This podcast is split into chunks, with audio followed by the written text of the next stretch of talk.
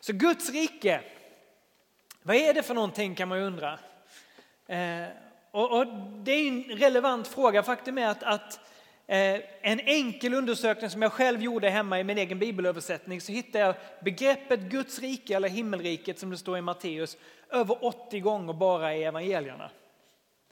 80 gånger. Då kan man ju tänka att det här måste vara ganska viktigt för Jesus, för det är nästan alltid Jesus som säger det. Guds rike. Och redan i Markus kapitel 1 och vers 15 så beskriver Markus hur, hur Jesus går runt och predikar och då säger Jesus så här.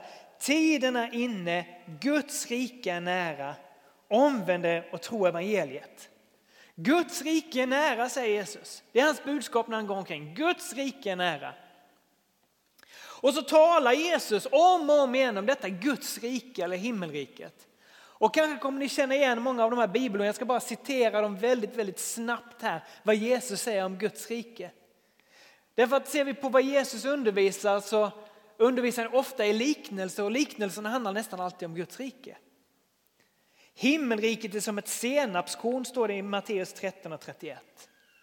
Som växer upp och blir stort från att vara väldigt litet. Det är som en surdeg som en kvinna tar in i ett stort mått mjöl och allting blir syrat. Himmelriket är som en gömd skatt i en åker, står det i Matteus 13 och 33. En man som hittar den, han säljer allt vad han äger för att gå och köpa åkern. Så är det med himmelriket. Eller Guds rike är som en man som sår säd i en åker, står det i Markus 4 och 26. Och den här säden som är Guds ord faller på olika ställen i olika jordmåner. Vid vägen där det är hårt, bland tistlarna och god jord och där det inte finns så mycket som det kan växa. Så ger det olika mycket frukt, olika mycket skörd. Ni känner kanske till liknelserna. Så är det med Guds rike. Guds rike det är någonting man kan komma in i eller inte komma in i, säger Jesus. Han säger den som inte tar emot Guds rike som ett barn kommer aldrig dit in. Säger Markus 10 och 15. Eh, Jesus säger också att det är lättare för en kamel att komma igenom ett nålsöga. Jag vet inte om ni har testat det någon gång. Än för en rik att komma in i Guds rike. Står det i Matteus 19 och 24. Han är lite hård ibland också Jesus för han säger att om ditt öga förleder dig till synd så riv ut det. Det är bättre att du går in i Guds rike enögd än att du har båda ögonen och kastas i Gehenna, säger Jesus i Markus 9 och 47. I Johannes 3 och 5 säger Jesus till Nikodemus att den som inte är född av vatten och ande kan inte komma in i Guds rike.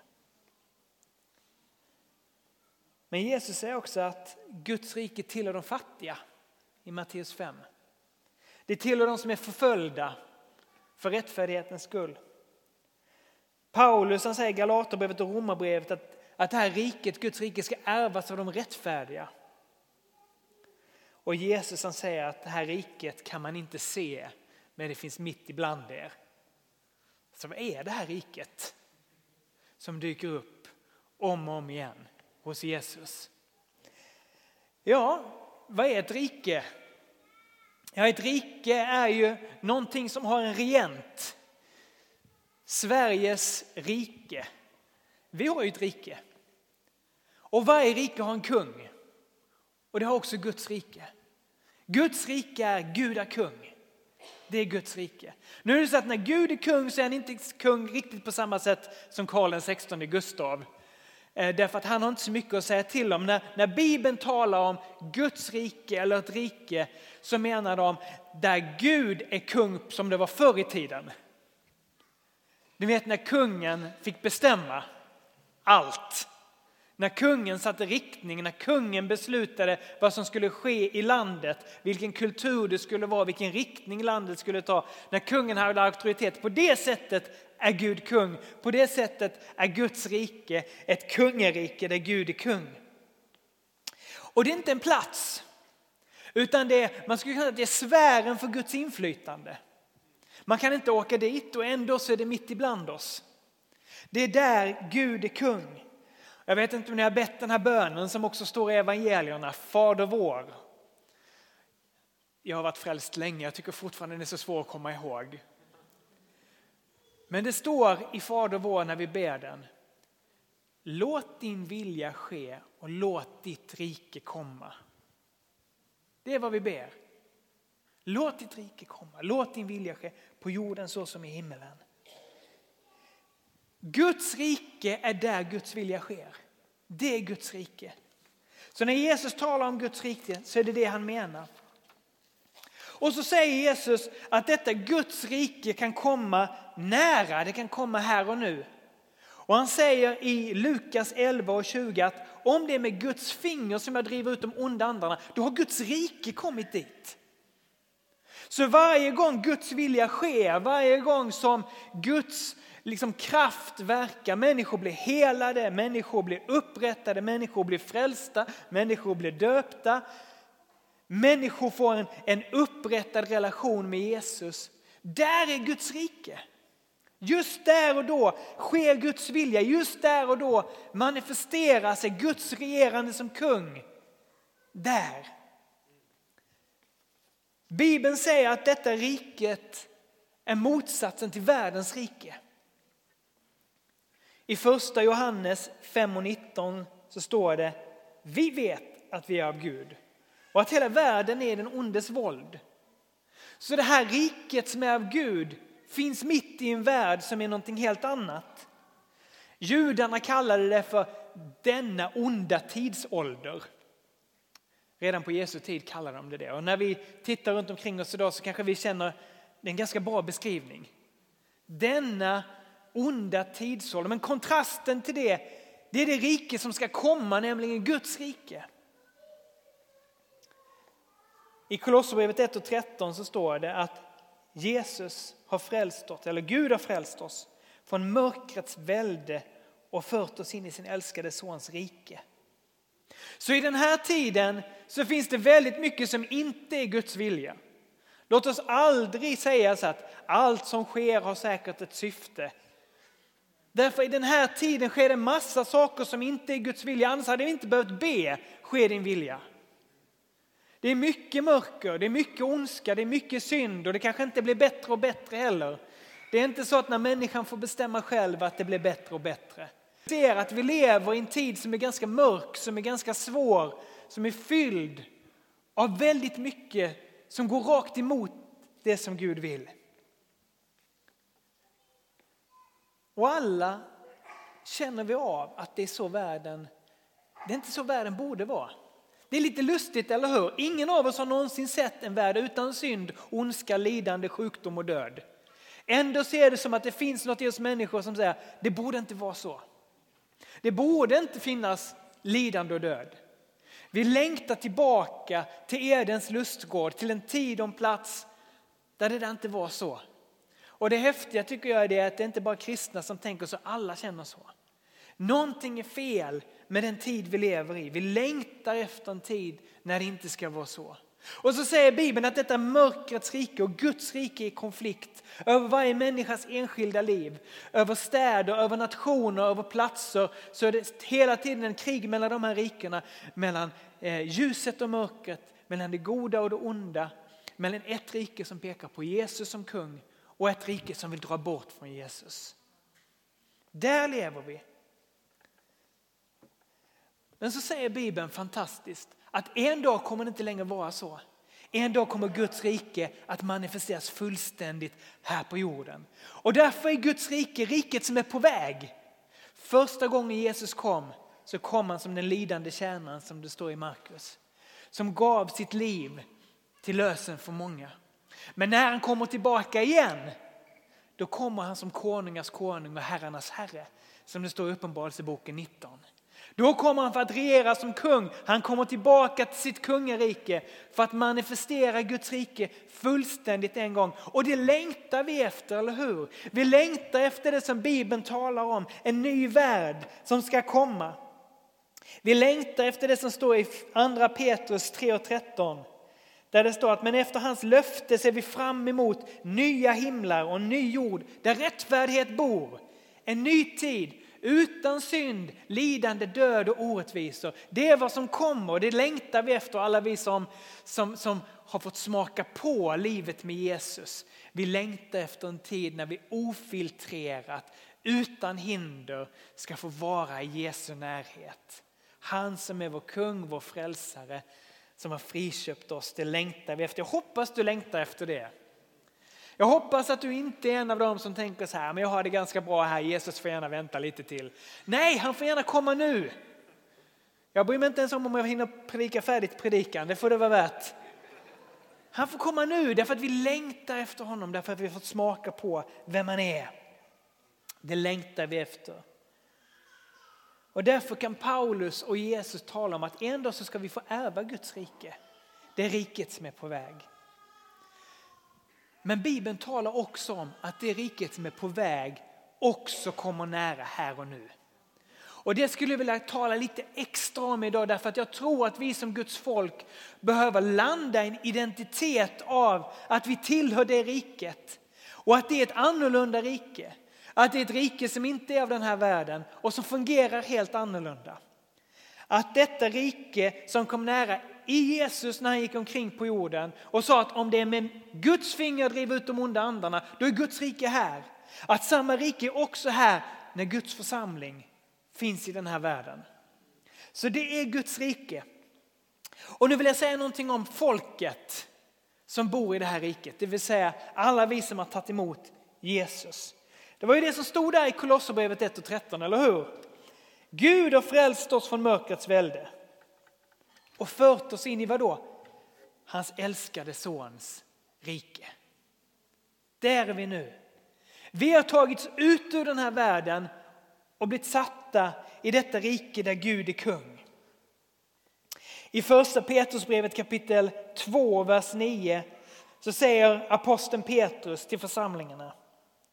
Ni är ett utvalt släkte, ett konungsligt prästerskap, ett heligt folk, ett Guds eget folk för att förkunna hans härliga gärningar. Han som har kallat er från mörkret till sitt underbara ljus. Ni är ett heligt folk, ett Guds eget folk. Ni är Guds rikets medborgare, Guds rikets folk. Det är folk som tillhör Gud. Det är vi som tror på Jesus.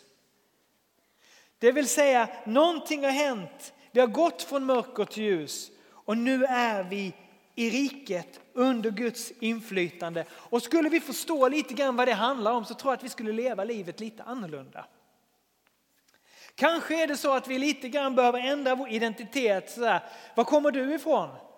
Jag kommer från Sverige, eller jag kommer från Ukraina, eller jag kommer från Uganda, eller var man nu kommer från. Sådär. Var kommer du ifrån? Ja, men trevligt att träffas, jag kommer från Guds rike. Nej, alltså, men var är du född? Ja, men jag är född på nytt in i Guds rike. Nej, men var kommer du ifrån egentligen? Ja, men Guds rike.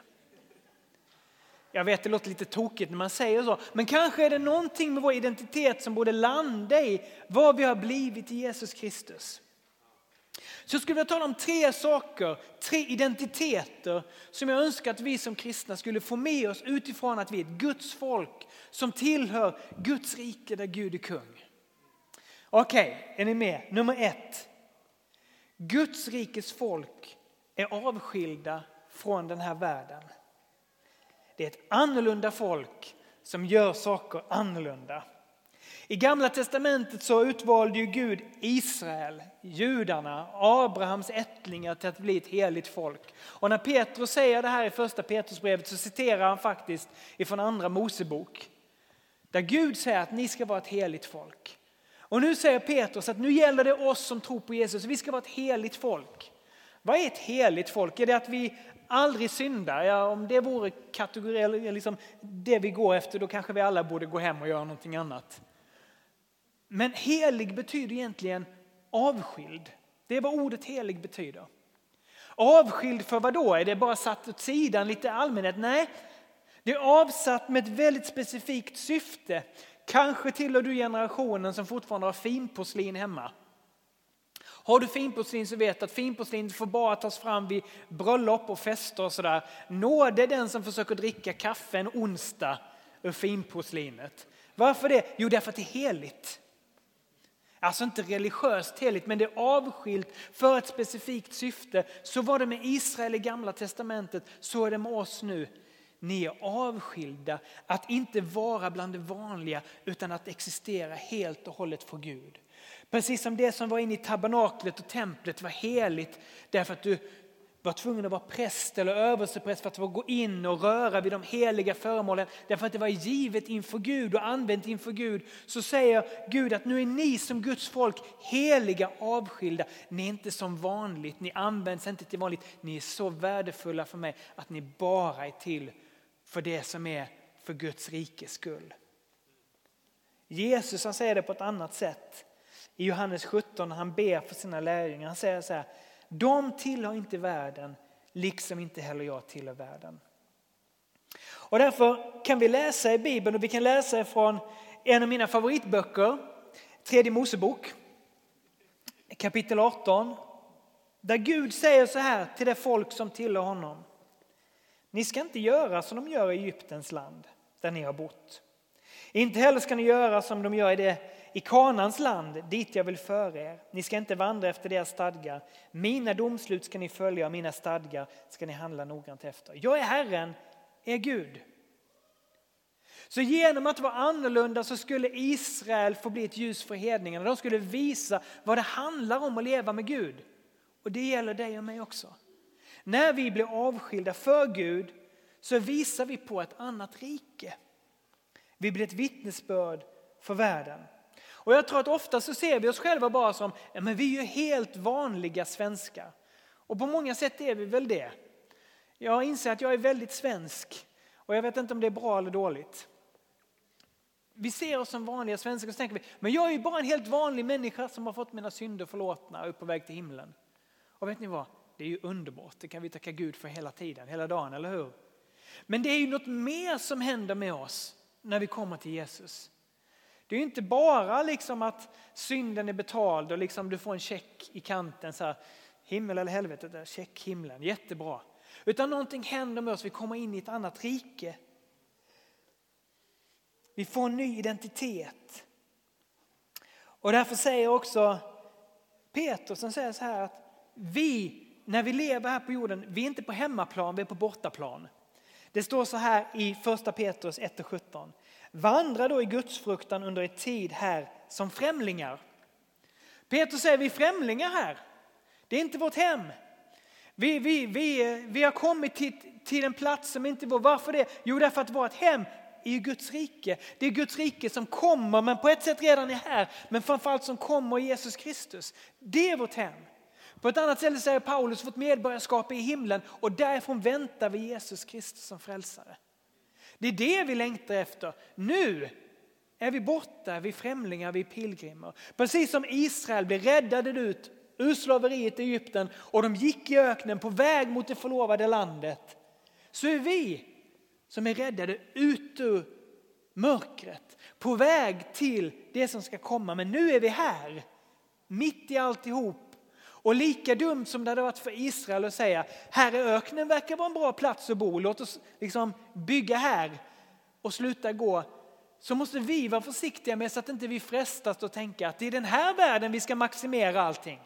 Det är den här världen vi ska se till att vi passar in så bra som möjligt, att allting funkar, att det, vi är som alla andra. Nej, vi är ett annat folk för vi är på väg någon annanstans. Vi är på väg mot det riket som kommer. Jag älskar Danielsboken. Och i Danielsboken så läser vi om Daniel och hans tre vänner. Och varje gång jag säger det så tänker jag att det låter som en sån här barnprogram. Daniel och hans tre vänner i, i Babylon. Men i Danielsboken 1-8 så står det om de här tre, Daniel, Hanania, Mishael och Asarja, som har förts bort som tonåringar av kung Nebukadnessar till Egypten. Och så står det att kung Nebukadnessars stora vilja är att de ska formas nu till att bli riktigt duktiga babylonier som tänker som en babylonier, är som en babylonier. Men så står det så här i Daniel 1.8. Men Daniel bestämde sig i sitt hjärta för att inte orena sig med kungens mat. Eller med vinet som han drack. Och han bad första hovmarskalken att han inte skulle behöva orena sig. Och jag gillar den här attityden hos Daniel. För vad han säger så här, jag fattar vad ni gör här. Men i min kultur gör vi inte så. Där jag kommer ifrån gör vi inte så. Jag önskar att vi som kristna skulle få bli lite sådär ibland, landa i vår identitet som Gudsrikets folk så vi kan säga lite grann till samhället, nej men jag förstår att ni gör så här ni, ni svenskar. Ni tänker så här, ni gör så här. Men, men där jag kommer ifrån, Guds rike, där gör vi inte så. Där tänker vi inte så, där talar vi inte så. Jag förstår att, att det kanske känns lustigt för er. Men vi gör inte så. Därför vi kommer från ett annat rike. Och vi skulle kunna ge massvis av exempel och du tänker säkert på massvis av exempel själv. Evangelierna är fulla av det, breven är fulla av det. Jesus säger det, Paulus säger det. Lev inte längre så här, utan lev så här. I Guds rike gör vi så här, men inte så här. Vi kan tänka att det handlar om livsstilsfrågor, vi kan tänka att det handlar om sexualmoral, det handlar om hur vi hanterar pengar, hur vi hanterar relationer, hur vi gör med kärlek, hur vi behandlar varandra, hur vi behandlar de svaga. Mängder med områden där vi helt enkelt som Guds rikes folk har en helt annan kultur. Ju mer Kristuslika vi blir genom den heliga ande, och där behöver vi verkligen den heliga ande, ju mer kommer vi att vara annorlunda. Därför att Guds rike är annorlunda. Och inte bara vad vi inte gör. Vi kristna kan ju ibland landa i det där att kristen är den som inte gör massa saker. Men faktum är att Bibeln är lika fylld med saker som vi gör. Alltså ni gör inte det här men i våran kultur gör vi så. I våran kultur uppmanar våran kung oss att se till den svage, ta hand om den fattige, röra vid den som ingen annan vill ha att göra med. Ja, så I den här kulturen kanske ni säger att vi ska sätta cancel på den typen av människan eller den typen av människan. Men vet, i vår kultur där jag kommer ifrån så sätter vår Gud inte cancel på någon. Utan alla får en inbjudan. Tänk om vi kunde vara ett annorlunda folk för ett annorlunda rike. Och ni vet ni vad, när vi gör det så blir det ju kulturkrock. Ni som kommer från andra kulturer, ni har säkert känt igen det där när det krockar med kulturen. Det är väl underbart när det krockar. Och så upptäcker man att det där som man tänkte var självklart var visst inte självklart för alla i hela världen. Men då tänker jag så här, om vi som kristna och vi som församlingar kan glida igenom den här tiden, den här onda tiden och det inte blir någon kulturkrock, då ska vi inte säga så här, tänk vad fina vi är. Utan tänka, någonting är konstigt. Tänk att vi kommer från ett helt annat rike men ändå krockar det ingenstans. Det kommer bli kulturkrock därför vi är av ett annat rike. Nummer två. Vi är ett Guds rikes folk som lever mitt i världen. Därför det kan ju vara en frestelse nu om vi ska vara ett avskilt folk där jag tänka att nu gömmer vi oss här, vi liksom låser dörren och så väntar vi på att Jesus ska komma tillbaka. Och så är vi superheliga där. Men faktum är att Bibeln säger att vi är ett Guds rike mitt i världen. Andra Korinthierbrevet 5 och 20 säger Paulus, vi är alltså sändebud för Kristus. Vi är sändebud för Kristus. I engelska översättningar brukar det säga We are ambassadors for Christ. Ambassadörer. Jag vet inte om ni har koll på ambassadörer men av en slump så började jag följa Japans ambassadör på Twitter. Jag har gjort det några år fantastiskt för de har bytt nu båda helt otroliga. Och jag har lärt mig lite om ambassadörer. När Japans ambassad ligger i Sverige så är det för att manifestera Japan här. Japans ambassadörs jobb är att vara så japansk som möjligt. Och den här ser verkligen japansk ut. Eh, så att i Sverige så ska Japans ambassadör vara japan. Han ska visa, så här tänker man i Japan, så här gör man i Japan, det här är våra traditioner i Japan. Det skulle vara en katastrof för ambassadören, vilket land man än är ifrån, att börja agera som en svensk. Kom till Japans ambassad och ät Ikeas köttbullar. Helt meningslöst. Bör tala som en svensk, tänka som en svensk. Precis på samma sätt är det med oss. När vi är kallade att vara Kristi ambassadörer så är det för att vi ska manifestera och representera det riket som kommer. Guds rike. Vi ska visa för världen att riket som kommer, det är så här. Det är inte bara det att vi är annorlunda för oss själva utan vi ska visa för världen, så här är det i Guds rike. En försmak av Guds rike. Nu kanske du tänker så här, du har uppenbarligen inte varit särskilt länge i vår församling. Det är inte riktigt en försmak av Guds rike än. Nej, det är ett rike som kommer, som är nära, men det är ännu inte här. Vi lever i en värld där vi även som troende bristfälligt representerar det som ska komma. Men det är vår identitet. Vi kanske inte lyckas alltid att leva efter rikets värderingar. Men det är vårt mål att visa världen, så här är det att vara i Guds rike. Och det handlar inte heller bara om kultur och värderingar. Det handlar om kraften som finns i Guds rike. I Hebreerbrevet 6 så står det, det är en varning för dem som riskerar att tappa sin tro. Så säger brevbrevets författare så här i vers 4. De som en gång har tagit emot ljuset och smakat den himmelska gåvan, fått del av den helige ande, smakat Guds goda ord och den kommande världens krafter. Om en sån avfaller så är det svårt att få den omvända sig igen. Men jag fastnar vid det där uttrycket, den kommande världens krafter. Hebreerbrevets författare förväntar sig att kommer du bara in i församlingen så kommer du få smaka på den kommande världens krafter. Därför att det är Guds riket som kommer, det är redan här. I församlingen. När Jesus säger om det är med Guds finger jag driver ut de onda andarna, då har Guds rike kommit bland er. Det gäller oss.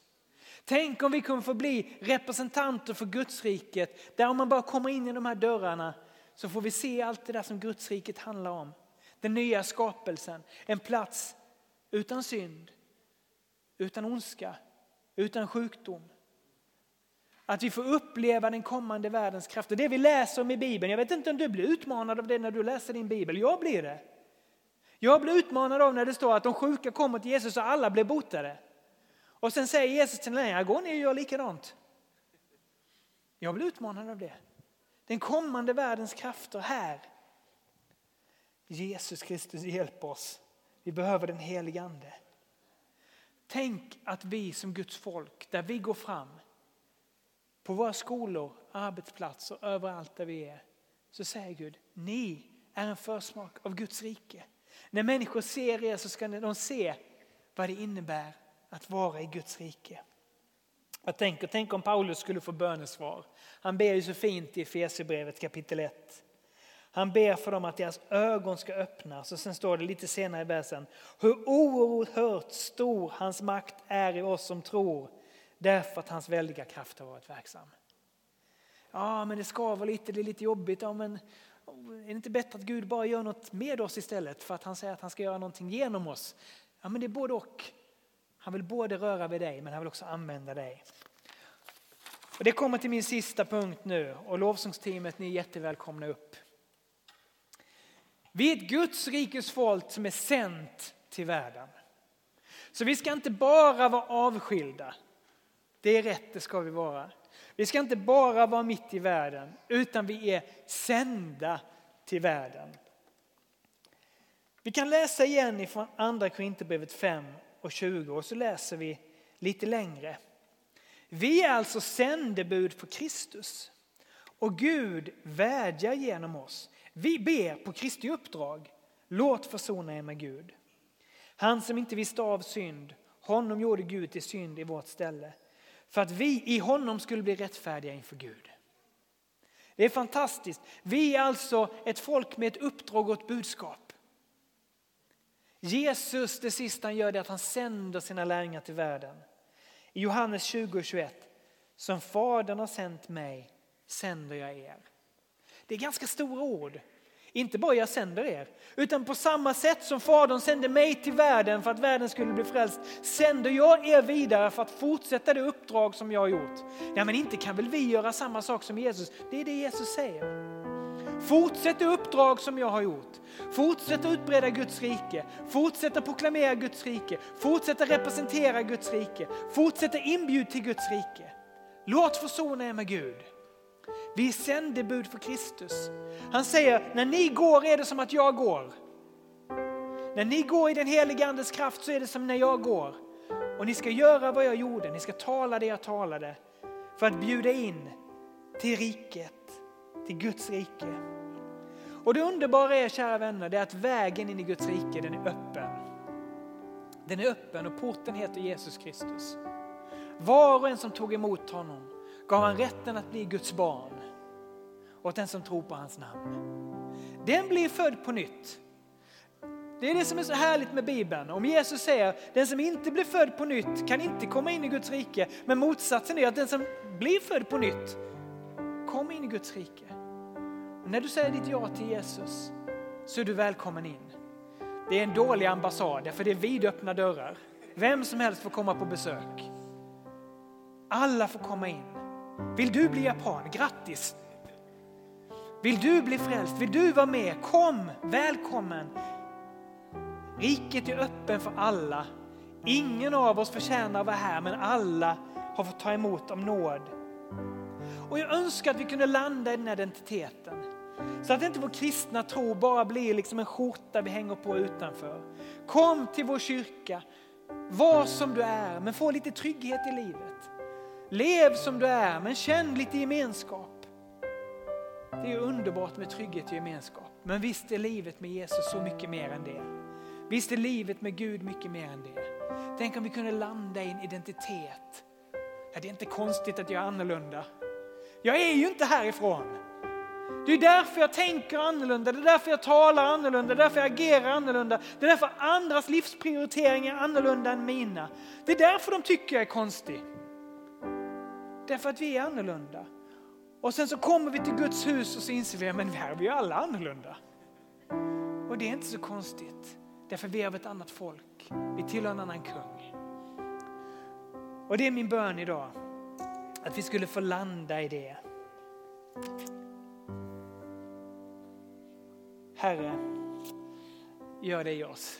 Det är min längtan. Att vi får bli ett folk som är avskilda så att vi kan landa i. Jag förstår att ni gör så här, här men vi gör inte det. För vi kommer från ett annat ställe. Ni behöver inte hålla med oss, men vi kommer inte anpassa oss. Min bön är att vi ska få uppenbaras av den kraften Gud har lagt i sin församling. Jag vill att det som står i Bibeln ska vara vår verklighet. Inte bara en salig förhoppning, en längtan, utan verklighet. Inte bara en god känsla på ett möte, utan Guds kraft som verkar. Och min bön är att vi ska få bli frimodiga och bjuda in i Guds rike. Ett annat liv, ett annat sätt att leva med en annan kung, Jesus Kristus.